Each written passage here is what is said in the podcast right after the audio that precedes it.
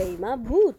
ढकढक ढकढक ढोकामा कसैले ढकढक गरेको सुनेर सिमु झसङ्ग भइन्। घरमा कोही थिएन। उनले भित्ताको घडीतिर हेरिन्। साँझको आठ बज्न लागेको रहेछ। यति बेला को आयो होला? मम्मीले मलाई कोही आउँछ भन्नुभएको थिएन। उनको मनमा कुरा खेल्न थाल्यो। उनले गएको वर्ष नेपालबाट हजुरआमा आउनुभएको सम्झिन्। हजुरआमाले भूतको कथा सुनाउनुहुन्थ्यो। कतै भूत त आएन। सिमुकी आमा बुबा दुवै अमेरिकामै बस्नुहुन्थ्यो।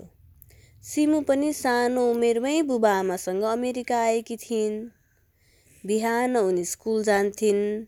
स्कुलबाट फर्कदा घरमा कोही पनि हुँदैनथे। बुबा आमा दुवैजना सधैँ काममा बाहिर जानुहुन्थ्यो।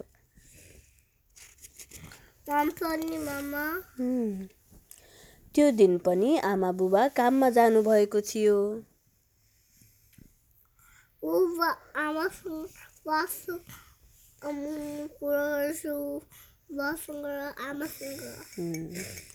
सिमु खाना खाएर ओछ्यानमा पल्टिरहेकी थिइन्। ढकढक ढकढक। फेरि ढोका ढकढकाएको आवाज आयो। सिमुले फेरि हजुरआमालाई सम्झिन्। उहाँ आउनुभएको भए अहिले उनलाई कति मद्दत हुन्थ्यो। तर उहाँ यहाँ बस्न रुचाउनु भएन। नेपाल फर्कनु भयो सिमु बिस्तारै ढोकासम्म गइन्। उनले ढोका बाहिर हेर्ने सिसा भएको सानो पालबाट हेरिन्। बाहिर कोही थिएन। उनी फर्केर ओछ्यानमा आएर पल्टिन् र सिरकले मुख ढाकिन्। हजुरआमा हुनुभएको भए म उहाँसँगै सुत्थेँ। भूत आए पनि मलाई केही गर्दैनथ्यो। उहाँले धपाउनुहुन्थ्यो उनले मनमा नै भनिन् ढकढक ढकढक ढोकामा फेरि कसैले ढकढक गर्यो?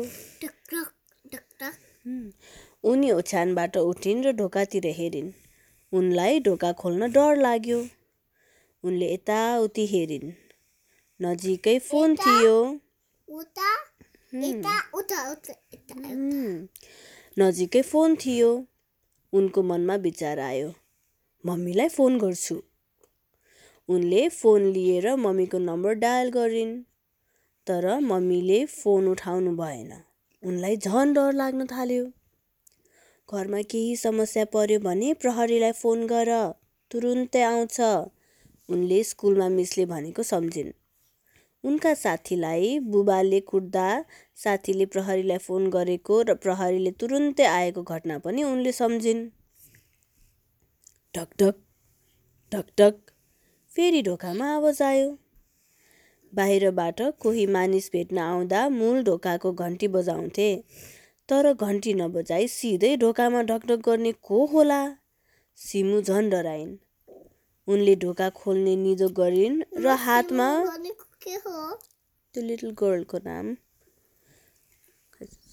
उनले ढोका नखोल्ने निदो गरिन् र हातमा फोन लिएर प्रहरीको नम्बर डायल गरिन्।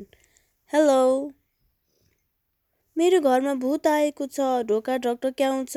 उनले एकै सासमा प्रहरीलाई भनिन्। भूत भन्ने हुँदैन नानु। त्यो त कथामा मात्रै हुन्छ प्रहरीले हाँस्दै भन्यो। हाम्रो गोस्ट हाम्रो ढोका बाहिर भूतले नक गरिरहेको छ। मलाई डर लागेको छ। घरमा अरू को को हुनुहुन्छ?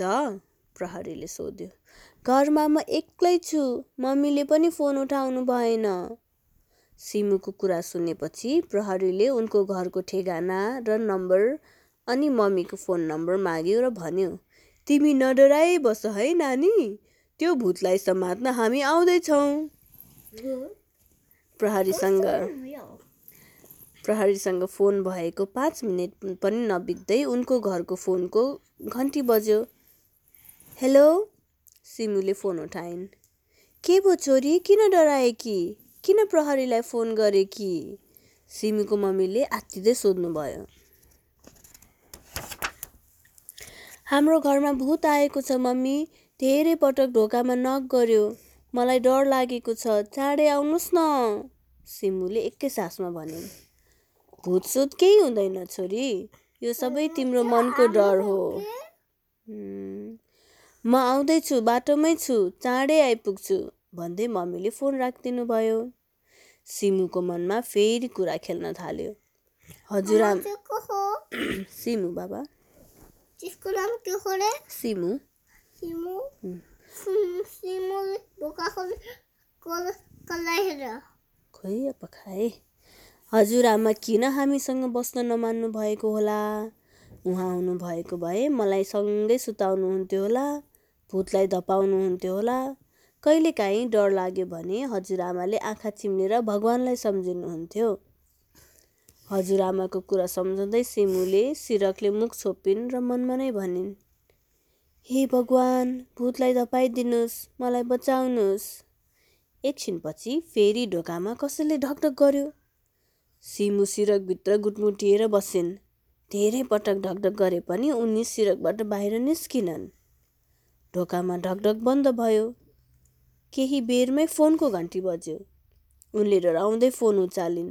फोनमा मम्मीको स्वर सुनियो के गर्दैछौ छोरी? मैले कति ढोका ढोका ढकढक्याएँ म बाहिर छु ढोका खोलिहाल है? बल्ल सिमुको डर भाग्यो। उनी दगुर्दै गइन् र ढोका खोलिन्।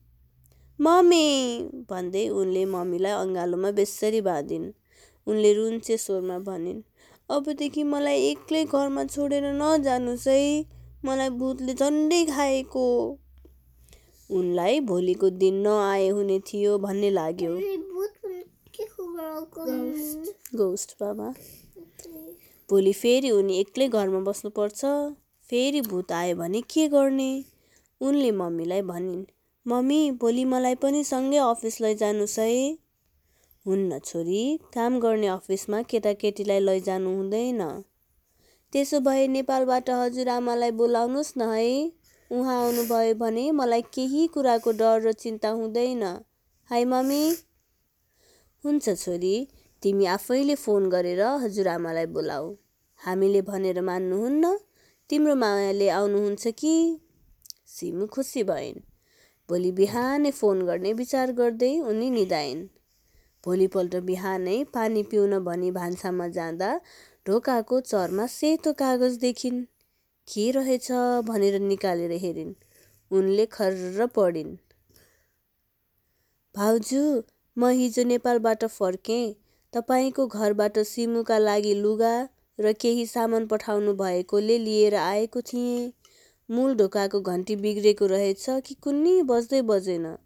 अनि भित्र गएर भान्सातिरको ढोका नक गरेँ। भित्र बत्ती बले पनि कसैले ढोका खोलेन। यसैले म फर्केँ।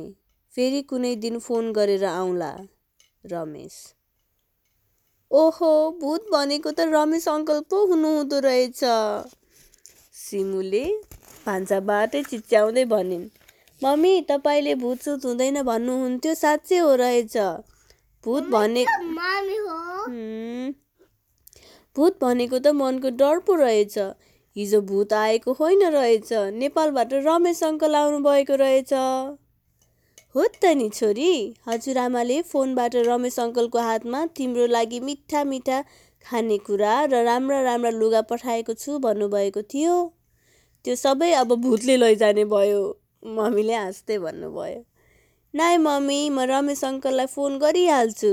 उहाँसँग माफी माग्छु भन्दै सिमु फोन लिन दगुरिन्। भूत साँच्चै हो रहेछ त? होइन।